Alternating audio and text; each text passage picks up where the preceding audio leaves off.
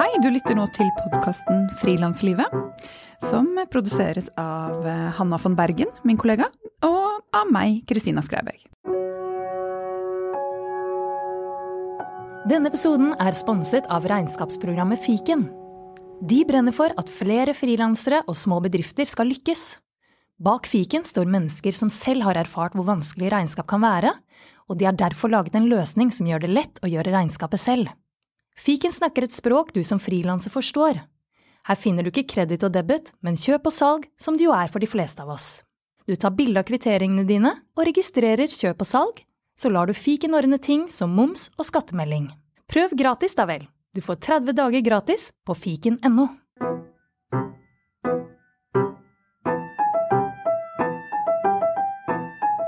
I dag har vi eh, veldig, veldig hyggelig besøk av Silje Sigurdsen, som driver videobloggen Kunst med sett.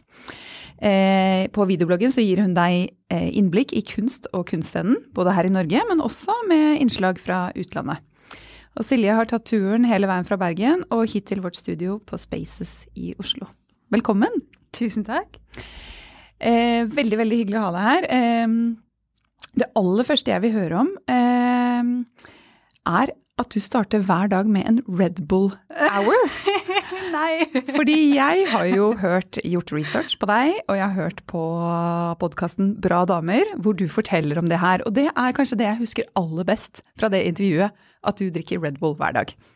Jeg visste jeg skulle bare latt være å snakke om det der. ja. Eh, nei, men det gjør jeg. Og eh, jeg tror jeg er litt sånn too millennial to function noen ganger. Eh, litt skadet av eh, markedsføringskrefter når jeg var i tenårene og at Red Bull kom til Norge. Eh, og rett og slett blitt avhengig av Red Bull sukkerfri. Og det drikker du Du drikker det faktisk hver dag? Eller? Jeg drikker én for dagen. når jeg sjekker mails og svarer i kommentarfelt og, og fører tall. Så jeg klarte ti dager etter januar, litt sånn januar, et nyttårsforsett, men så sprakk jeg. Fordi er det et lite sånn det er, det er sånn du starter din dag? Mm. Ja. Jeg starta jo en Jeg står jo opp rundt litt før syv, så jeg starter jo en med liksom å våkne og på badet og vann og litt frokost. Men så er det liksom Ja. Da, er det da mm. Koser du deg, eller? Ja, jeg koser meg. Ja. Fordi eh, jeg tror jeg er sånn low maintenance når det gjelder hva som skal til for at jeg skal kose meg. Um, jeg drikker ikke kaffe. eh, Jeg drikker nesten ikke alkohol. Eh, eller i hvert fall mye mindre fra jeg gjorde i tidlig i 20-årene. Uh, røyker ikke, snuser ikke. Ja, og jeg ser jo at det eh, Eller kanskje det er et tegn på at det er litt som skal til. fordi da du kom hit uh, nå, så spurte jeg om du skulle ville ha et eller annet. Et glass vann eller uh, kaffe eller te. Og så spør du om varmt vann, og nå sitter du og drikker rett i koppen Toro. Gud, det høres skikkelig sånn white trash ut. men, uh, men, eh, nei, men det, det er fordi det er varmt og godt, og det er kaldt, og Oslo er jo litt kaldere enn Bergen. Og... Så syns jeg det er litt sånn forfriskende, fordi du jobber jo med eh, kunst, som er liksom høykultur. Og så er det så deilig at du er en dame som både drikker Red Bull og rett i koppen. Åh, det syns jeg bare, bare er fint. De der kontrastene eh, i, i folk generelt. Det, jeg liker det veldig godt, jeg. Du, kunst med sett. Kan ikke du forklare de som ikke kjenner til det, hva, hva er det? Ja, kunst, eh, kunst, som jeg også sier. Det er litt Det er både min redning for arbeidsledighet, men det er jo også et konsept som skal gjøre flere kjent med kunstverden. Kunstnere og kunst generelt. Og gjøres i videoformat konsekvent, fordi jeg tror videoformatet bare generelt, altså visuell kommunikasjon, bilder, foto, det å se folk eh, og se ting man snakker om, er langt mer effektivt eh, i forhold til å, å åpne opp denne verden til andre som ikke er helt trygg på kunst og kunstverden. Så får de se kunstneren, de får kanskje se deler av personligheten deres og hjemmet deres, studio og kunsten de lager. Hva er liksom hovedmotivasjonen med det å starte kunst med sett? Hva, hva, hva brenner du for? For meg For meg har kunst vært en, um, en slags escape, flykt. kanskje. Fra Liksom, alle har jo sitt uh, i tenåringstilværelsen. Uh, og kunsten ble en slags sånn Ja, det ble liksom min verden, på en måte. Så jeg føler meg veldig takknemlig for det kunsten har gitt meg, og oppfordret meg til, og utfordret meg på. Og det høres veldig sånn svulstig og, og, og, stort ut, men eh, det er sant. Det er sånn jeg føler det. Og jeg håper og tror at dette kan inspirere noen til å bry seg litt mer om kunst. Det er liksom det, er det som driver meg. Så du ble ganske tidlig selv opptatt av kunst? Mm. Hvilken alder? Uh, har, altså, alle barn tegner jo styrer på og maler og koser seg og, og skaper ting. Um, så jeg begynte liksom med å male og tegne sånn var fire. Men jeg tror den helt seriøse, sånn mer kanskje bokorminteressen kom uh, i tenårene. Da begynte jeg for alvor å lese mer om kunst. Og kunstnere og kunsthistorie og malte parallelt og gikk tegning, form og farge og design og tekstil og eh, på folkehøyskole, på billedkunst og Gjør du noe av det fortsatt i dag? Nei. Eh, nei. Jeg føler jeg er veldig kreativ med bloggen, faktisk. Jeg kan ikke sammenligne det med å lage et maleri, men jeg får, jeg får et utløp for kreativitet der. Så nå gjør jeg det. Men jeg har en litt sånn våt drøm om å begynne å male igjen. Har du selv mye kunst? Litt. Um, litt, ikke så mye. Et par ting. Det blir vel kanskje litt sånn naturlig når man er i det. Det er litt sånn akkurat som hvis du jobber med å selge kopper. Så har du sikkert til slutt masse kopper hjemme. Altså, det blir jo bare sånn. Det kommer liksom veltende inn, enten du får det gratis av en venn som er kunstner, eller du Man har så mye borti det. Ja. ja. Mm. Eller du eh, får det veldig billig av en venn som driver et galleri, eller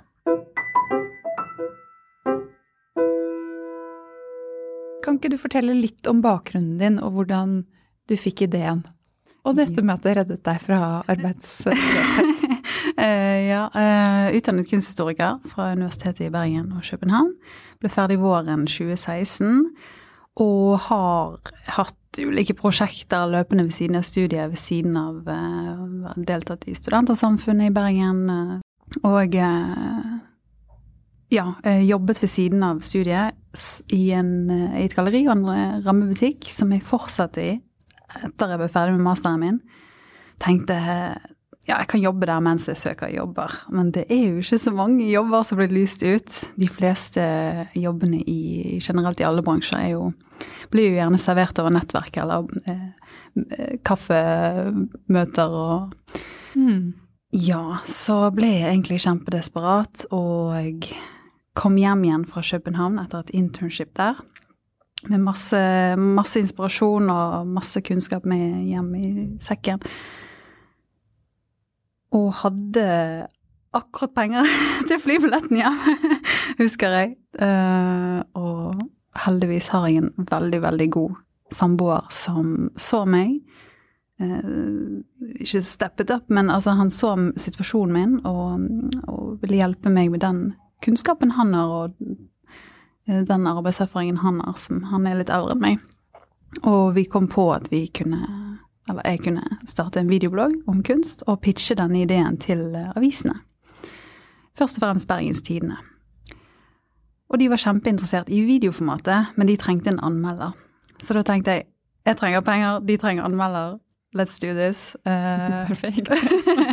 kan løse problemet. Uh, ja, og det, gikk, det var jo kjempegøy. Det var veldig gøy å få prøve det og, jobbe med en sånn uh, Altså BT er jo på en måte min avis òg, og Vestlandsavisen, så det var veldig stas å få en sjanse med de. Ja. Og så kom Aftenposten på banen eh, så, eh, sommeren 2017. Og da eh, tok det litt av etter det. Fordi det er eh, kan ikke du fortelle om den oppstartsfasen fra, fra liksom januar 2017 til frem til sommeren? Hvordan var den tiden? Mm.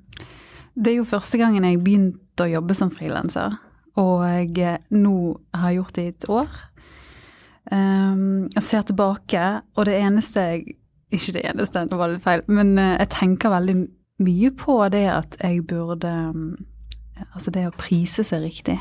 Ja. Det er så viktig at eh, man gjør det. Og tør å også ta opp lønn, selv om det kan være ubehagelig. Og honorar. Og bare prøve. Um, men først og fremst vil jeg jo egentlig si at uh, frilanslivet er ganske digg. Uh, I forhold til det å ha en arbeidsgiver og kanskje en jobb som du ikke er helt tilfreds med, mens her kan jo du gjøre det du vil. Uh, og virkelig få bruke kunnskapen din og, og lære nye ting og underveis. For du må jo pushe deg sjøl ut i kanskje situasjoner, eller at du må levere et produkt som krever noe du kanskje ikke kan fra før av, så du må lære det rett og slett. Og jeg syns det også er så fantastisk at det byr på så mye læring. Det er så mye nytt man kan lære seg. Og det fins egentlig ingen begrensning for hva man vil bestemme seg for å, for å lære, da. Men eh, jeg eh, har hørt eller lest eller eh, snappet opp et eller annet sted at du de første månedene tjeneste sånn 7000-8000-9000 i måneden. Og at du var svett og sulten. Jeg tror bare enda mer white trash. Svett, sulten, Red Bull og rett i koppen. Ja, Ja. og glamorøse bloggerlivet. Ja, nei, eh, det, eh, jeg har jo satt meg sjøl i en veldig sånn skinkig posisjon. Eh, mer eller altså bevisst, ubevisst, vet ikke helt, desperat. Bygge videoblogg om kunst, som i seg sjøl er et ganske tricky tema, eh, og tricky bransje, det ved siden av at du skal være frilans, det er en litt spesiell eh, kombinasjon, tror jeg. Gründer og frilans samtidig. Um, men jeg fikk jo for få oppdrag, og ganske presset i tid. Um, det å lage en videoanmeldelse tar jo to-tre ganger så lang tid som å lage en tekstanmeldelse. Så um, Skjønte folk det? Eller oppdragsgiverne?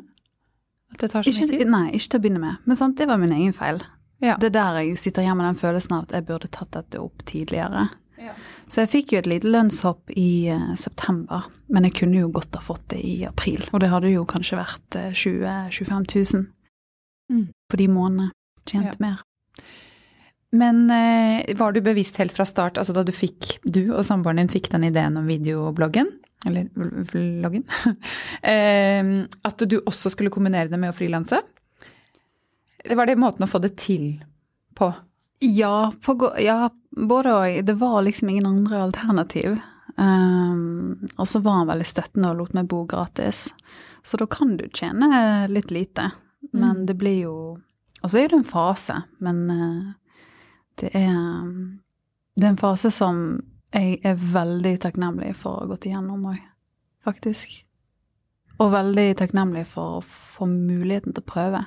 Eh, For det er Det å få jobbe med etablert media er viktig.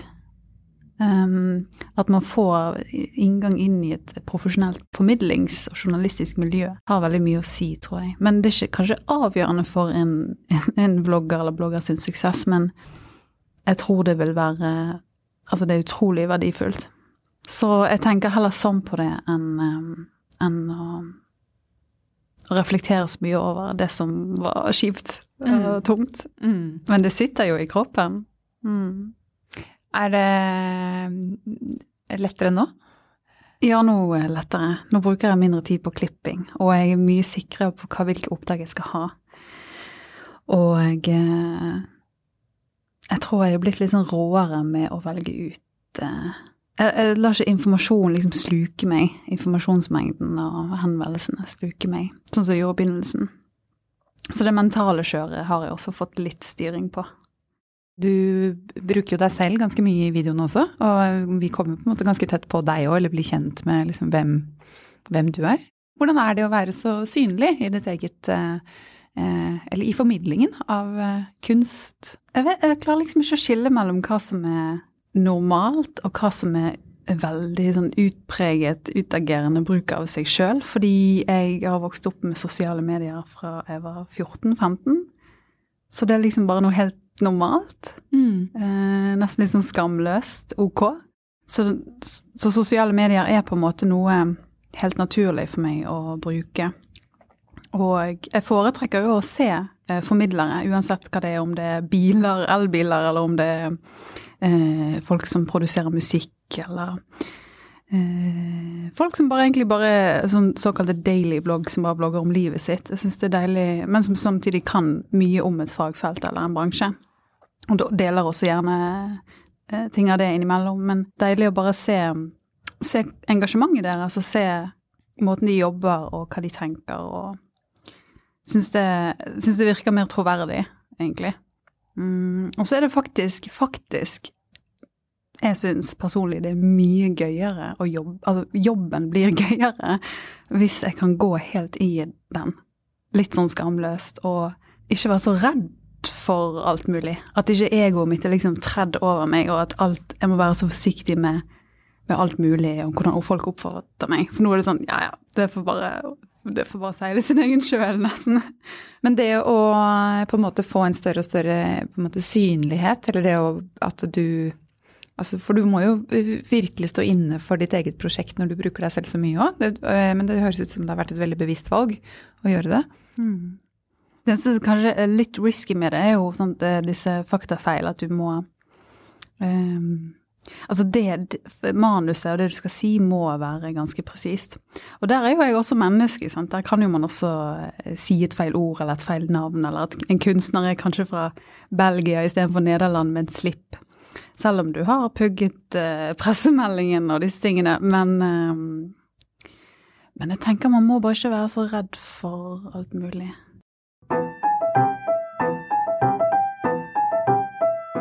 Som utdannet kunsthistoriker, eh, det å starte en videoblogg altså det er jo, Kan jeg se for meg at det er veldig mye man skal lære seg, bare for å på en måte mestre det å ja, filme og klippe det og hvordan formidle det. Hvordan, hvordan lærte du deg alt det her? Eh, masse gode folk rundt meg. Eh, fikk mange tips av videokaren i BT. Uh, og videomann i Aftenposten, som jeg må fulgte tett, uh, spesielt Aftenposten, uh, Torgeir Stamberg. vi hadde en ganske løpende og flytende dialog om, om, hvordan videoene skulle se ut, og hvordan de skulle, burde klippes, og filter og alt mulig sånn. Um, men igjen, jeg, jeg tror det hadde vært mye vanskeligere å faktisk lage videoanmeldelse for avisene som frilans eh, hvis jeg ikke hadde hatt videobloggen. For den, der kunne jeg liksom lage skikkelig sånn shitty videoer. og lære meg å, å, um, å, finpusse og finpusse. Og, og, ta det med meg inn når jeg skulle gjøre et betalt oppdrag. Ja. Det ble liksom din eh, boltreplass? Eller ja. din Ja. Der kunne jeg eh, prøve og feile i langt større grad enn jeg kunne f.eks. gjort. Eh, altså levere en dårlig video til de. Det er ikke bra. Men det, eh, kombinerer du det fortsatt, det med å gjøre frilans-videooppdrag eh, for eh, pressen og din egen Altså hvordan er eh, eh Hva heter det? Prosentandelen? Eh, hva, hva, jobber du mest med? Ja, det som er litt spesielt, og det var faktisk helt tilfeldig, men faktisk på ettårsdagen fra første videoanmeldelse kom ut i Bergens Tidende, 19.1, så sa jeg opp min eh, frilansavtale med begge avisene. Ja. Og det gjorde jeg wow. Ja, sant. Eh, kjempeskummelt, egentlig. Men eh, Så der forsvant inntekten min igjen. eh, på ettårsdagen fra jeg fikk den. Nei, men det gjorde jeg slett fordi jeg fikk ikke nok oppdrag. Så jeg måtte nok sluttet uansett. Men jeg har veldig tro på videobloggen, konseptet, og jeg har tro på den kompetansen jeg har klart å bygge meg opp.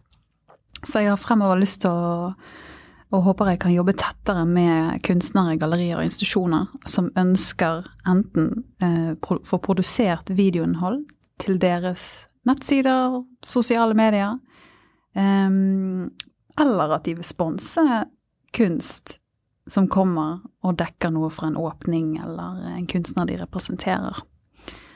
Men det å velge å si opp frilansavtalen, er ikke det noe du kunne på en måte bare tatt hvis det kom? Eller var det viktig å på en måte ta et standpunkt at nå gjør jeg ikke dette lenger, for det, ja. å frigjøre tid, eller gjøre deg mer um, um, Ja, at du kan stå friere i valget av oppdrag? Det, ja, det er nok det siste. Fordi eh, som kunstanmelder så er jeg veldig låst. Ja. Og eh, når du da ikke får eh, gjerne nok oppdrag, så er du på en eh, veldig feil vei økonomisk, økonomisk sett. Um, Så du har heller valgt å eh, kombinere på en måte din egen eh, business, eh, er det jo, eller grün- gründervirksomhet, mm, med kanskje mer kommersielle og private mm. oppdrag. Ja. Mm. Men kunst er et journalist altså Nå er ikke jeg journalist, for det er en beskyttet tittel, men det er jo et formidlingsprosjekt og kunstjournalistikk. Um, så, eh, så alt som blir sponset, blir jo merket, og jeg velger aldri ut noe som jeg ikke kunne stått inne for. Så uansett om, altså, om noen tilbyr meg en million kroner for å komme, men det, altså, sånn kunsthistorikeren i meg kanskje sier nei, nei, nei, så um, ja, nei. ja, og etter at du kanskje har hatt den journalistiske erfaringen, at du Mm. har den eh, journalistiske vurderingen, eh, at den sitter litt i ryggraden etter det. Mm. Ja, Man, man tar en helt uavhengig beslutning. absolutt. Mm. Viktig, viktige sånne avveininger. Det, Ja. Som sikkert eh, Som ikke kanskje alle seerne tenker over at du har sittet og tatt. ja. Men det, nå skal ikke jeg henge ut eh, Aftenposten eller eh, og BT har jo vært utrolig støttende hele veien. Um, men eh, de sa jo opp, eller Kjetil Røe sa opp sin avtale med Aftenposten i, eh, like før jul, nå i 2017. Og eh, det gjorde han fordi han fikk halvert sine oppdrag når jeg fikk komme til. Og Mm. Um, han, I mine øyne så har han vært en anmelder jeg har sett opp til lenge, i mange år. Og jeg tenkte Gullgutten som har vært der i ti-tolv år Har i hvert fall vært med Aftenposten ganske lenge, han da. Um, hvis han kan få halvert oppdragene sine sånn over natten, så kan du gjøre det med meg òg i morgen. Ja. Så dette her Mm. må jeg må klare å ha en slags økonomisk sikkerhet i mitt eget. Um, Jeg tror det er veldig viktig å ha det. Hvis du er frilansjournalist eller anmelder. Du virkelig er trygg nok eh, som, enten som merkevare, eller at du kan, at du kan eh, reise rundt og holde foredrag eller kurs eller Jeg kjenner jo det at eh, det å være journalist, eh, det krever så enorm uavhengighet. Eh, så det blir jo når man også starter andre egne prosjekter, en eh, hemsko, holdt jeg på å si. Eller at det binder deg i, på mange måter òg, som er mange ganger kan være veldig vanskelig å forholde seg til. Men de er jo en skinkig situasjon, de òg. Eh, avisene er jo i den situasjonen. Også mye pga. sånne som meg, som lager sin egen videoblogg på nettet og, har eh, sånn, I dag har jo jeg samme seertall som Aftenposten, bare etter et, Oi, år. gratulerer. Takk. Ja. Så det er jo eh, og, sånn, det, De seertallene mine er ingenting i forhold til eh, de store, store og mer internasjonale eh, youtubere og vloggere. Men eh, det sier noe om hvor globalisert vi er blitt. Alt er liksom tilgjengelig der ute. Og norske aviser, dessverre, eh, opplever jo det òg. At de kanskje ikke er like interessante som de var bare for åtte år siden. Mm. Så Ja. jeg kan ha medfølelse for det òg. Mm. Absolutt. Og det er så eh, en eh, bransje som er i så enorm eh, og hurtig endring. Så bare det der å klare å henge med, og på hvor man er om om to år og fem år, og ja, klare å omstille seg. Mm. Det er også som frilanser en veldig viktig eh, evne å kunne omstille seg. Mm. Og hele tiden tilegne seg ny kunnskap. Du har jo møtt Marina Abramovic, blant annet. Eh, og hun fikk deg til å gråte. Ja. ja. Kan ikke du fortelle litt om det møtet? Ah, Marina. Marina. Vi er på fornavn. Nei da. Nei, jeg tuller. Jeg ser det. Jeg så det. Ja. Nei da, jeg vet ikke. Jeg vet ikke om hun husker meg. Kanskje. Jeg vet ikke. Men um, Nei, jeg fikk 15 minutter. Jeg fikk uh, at Galleri Brandstrup her i Oslo har en ganske dreven PR-mann som heter Rune. Og han uh, er veldig fremoverlent og eh, søker til eh, yngre stemmer og unge medier. Også til å promotere utstillinger for galleriet ved siden av avisene. Og han sa at jeg kunne kanskje få 15 minutter, men han var ikke helt sikker. Og dette var jo en tid, dette var i mai 2017, en tid jeg ikke tjente så mye penger. Så jeg måtte bestille den billetten på mastercardet mitt. Og bare håpe at hun sa ja. Satset eh, liksom Og du bestilte før du, Ja. avtalen var bekreftet? Ja. Ja. Og fikk det. Og 15 minutter er ikke mye, men vi fikk veldig mye ut av de 15 minuttene. Og hun eh, det, Altså, det, det å bare se henne i virkeligheten når du har hatt et, et kanskje så Altså, jeg har bare hør, lært så mye uh, om henne eh, i kunsthistorien, men også i media og sosiale medier, og sett disse dokumentarene hun lager, og vært veldig engasjert i hennes kunstnerskap lenge. Så det når hun sto der, begynte jeg å skjelve i hele ansiktet og hele kroppen. Jeg klarte ikke å holde kameraet stabilt, egentlig. Og så sa jeg, måtte jeg bare si beklager, jeg er så nervøs. Hun bare «Ah, nei da, eh, dette går fint. Og oppfordret meg til at vi kunne gå litt rundt. Hun er veldig dyktig med mennesker, det er liksom helt tydelig. Eh, fikk meg til å slappe av og så meg rett og slett som person. Ung, eh, kvinnelig kunstjournalist Mm. her. Uh, og eh, Nei, ja, det var Jeg klarer ikke å beskrive hvorfor jeg begynte å gråte, men jeg tror jeg bare følte en sånn enorm takknemlighet for måten hun håndterte situasjonen på og meg. Um, så det ble Hun har veldig fått mange rørende. mennesker til å gråte. Ja, Så det kan jo være noe med hennes eh, tilstedeværelse og påvirkningskraft. Altså sånn mm. eh, Ikke for å liksom At hun har eh, magiske evner, men at hun, at hun har en eh, At hun påvirker mennesker, da. Mm. Helt klart. Det, ja. Hun er superstjerne, sant. Hun kunne tatt en sånn her Åh, hva blir jeg ut herfra? Eh, dette gidder jeg ikke. ja. Men um, nei. You have 15 minutes. Shape, shape up. Ja. Ja. Men det gjorde den ikke. Så selv om hun er dronningen av performancekunst, så er hun eh, veldig, veldig jordnær. Ja. Mm. Så herlig.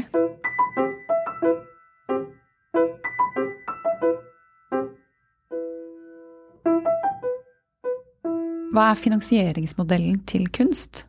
Altså Hvordan genererer den inntekt for deg? Den genererer inntekt i form av seertall. At eh, det er interessant for, eh, for bransjen å sponse innhold. eh, For å få rett PR og markedsføring og distribusjon. For det er de har lyst til å få ut. Eh, Men også eh, disse oppdragene hvor jeg er produsent.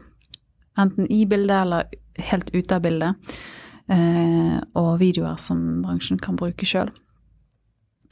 Så det Mm. er forretningsmodellen per i dag. Men det viktigste av alt for meg nå er at, at folk liker det og er engasjert, og det funker. Og det gjør flere eh, interessert i kunst. Men det, dette skal jo også være noe jeg skal kunne leve av. Eh, 28 år, har jobbet veldig mye frivillig i mitt liv. Og hvis dette ikke tjener penger, selv om det høres veldig kynisk ut, så, så kan jeg ikke jobbe med det, rett og slett. Nei. Så, Det er sånn det er. Mm, så vi får se. Ja. Og det er jo også en litt sånn deilig ting med å være alene om det, er jo at ok, hvis det ikke funker, så kan jeg si ja, det funket ikke, og så finner Uten på noe annet. Overfor andre. Mm. Mm. Hvilken oppfatning av din jobb, eller av deg, opplever du at folk har, som kanskje ikke stemmer overens med, med virkeligheten? Det er et veldig godt spørsmål, eh, men det er også faktisk litt vanskelig å svare på. For jeg vet jo ikke hva Det vet du jo ikke. Nei. Eh, men eh, Nei, jeg, jeg, tror Det kan være jeg tar feil, men jeg tror kanskje at noen tror at jeg tar kunsten mindre seriøst enn jeg egentlig gjør. Det Mm. tror jeg kanskje noen tror. Og så tror jeg Jeg tror at veldig mange tror at jeg er utadvendt. Men egentlig er jeg eh, veldig Ikke veldig sjenert, men jeg har vært veldig sjenert. Og er litt tilbaketrukken. Jeg vet, ikke hvor jeg har fått med meg dette her heller, men jeg har også sett at du har sagt at eh, man trenger ikke nødvendigvis å være kul, men man kan Ja. gjøre kule ting. Ja. Og det syns jeg var veldig fint. Ja, men det er liksom der det ligger. For jeg er egentlig veldig sjenert og tilbaketrukken. Men jeg bare liker å gjøre kule ting Mm. som er kult for meg. Og, Mm. eh, Og vips, så ble det kult. så ble det liksom kult. uh, og da Ja, jeg har jo det bare gøy med det, men uh, da kan jo sikkert folk tro at jeg er veldig ut, der ute sant, og veldig utadvendt og tjo og hei hele tiden. Tror jeg. Og så er jeg faktisk uh, Jeg tror Eller det er veldig sånn skummelt med å opptale seg sjøl her, men jeg er nok mye mer analytisk enn det man får inntrykk av i videobloggen. Kanskje du skal vise frem den analytiske siden? Eller? Ja. Jeg har prøvd å skrive bok en gang, faktisk, om eh, store ting. Si. Eh, Norge sett utenfra um, mye fulgte mm, den politiske valgkampen ganske tett i 2013. eh, mens jeg bodde i utlandet. Så um, Men uh, det, var, det var en jobb som jeg koste meg veldig med. Så jeg kan godt prøve å skrive bok igjen. Kanskje, Ja. kanskje jeg kan vise mer den analytiske Silje senere. Ja. Mm. Så kunstsalg gjennom, eller kunstagent gjennom kunst.no, og eh, bok etter hvert, Ja. kanskje, i Ja. fremtiden. Og eh, ikke minst eh, at du, du tar for deg hele verden. For det sa du at det ikke finnes en lignende videoblogg. Eh, at du ikke har funnet noe lignende? Jeg har ikke funnet noe, og Nei. jeg har um, møtt eh, en gallerist som representerer Marina Abramovic i New York. eh, I den perioden, eller de dagene jeg intervjuet henne. Og han sa det er ingen som gjør dette på Manhattan. Altså det er ingen som gjør det i New York. Og da er det kanskje ingen som gjør det? Hvis det ikke fins på Manhattan? USA har jo alt. ja. Hvis ikke det er der en som har en ordentlig eh, fulltids videoblogg om kunst og kunst igjen, så er det kanskje virkelig Altså om det finnes, så er det i hvert fall en mangelvare. For det, det er ikke, ikke lett å finne på internett eller Google. Jeg tror du har funnet en ordentlig nisje. Ja, det tror jeg. Og ja. Så jeg sniffa litt, eh, eh, litt på London, faktisk. Ja. Jeg ble tipset til henne du må flytte til London og gjøre dette. Ja. Blir Eh, samboeren din med? Jeg håper Liten det. stund? Han må. Ja. ja. Du må. Bli med! Ja. ja. Å, fine planer. Hva er det aller beste med jobben din, eller det med å kunne jobbe så fritt og jobbe for deg selv og frilanse? Det beste er at jeg ehm, Jeg har kontroll på min egen hverdag, min egen fremtid og min egen økonomi. Det er det beste med det. Og så er det kjempegøy å jobbe med det. Og det er veldig deilig å frigjøre seg, faktisk. Det er faktisk det beste, kanskje det beste òg. Eh, frigjøre seg litt fra de rammene så du blir så puttet inn i, i akademia. At man får leke med faget og temaet og kunnskapen på en litt ny måte. Nå er jo videoblogging ganske ny, altså det er jo ingen i Skandinavia som gjør det jeg gjør, eh, så det er jo nytt i seg sjøl, men, men bare liksom å få jobbe med det du Altså få jobbe med kunnskapen din på en helt annen måte er veldig deilig. Kjempeinspirerende. Tusen takk, eh, Silje. Tusen takk for meg.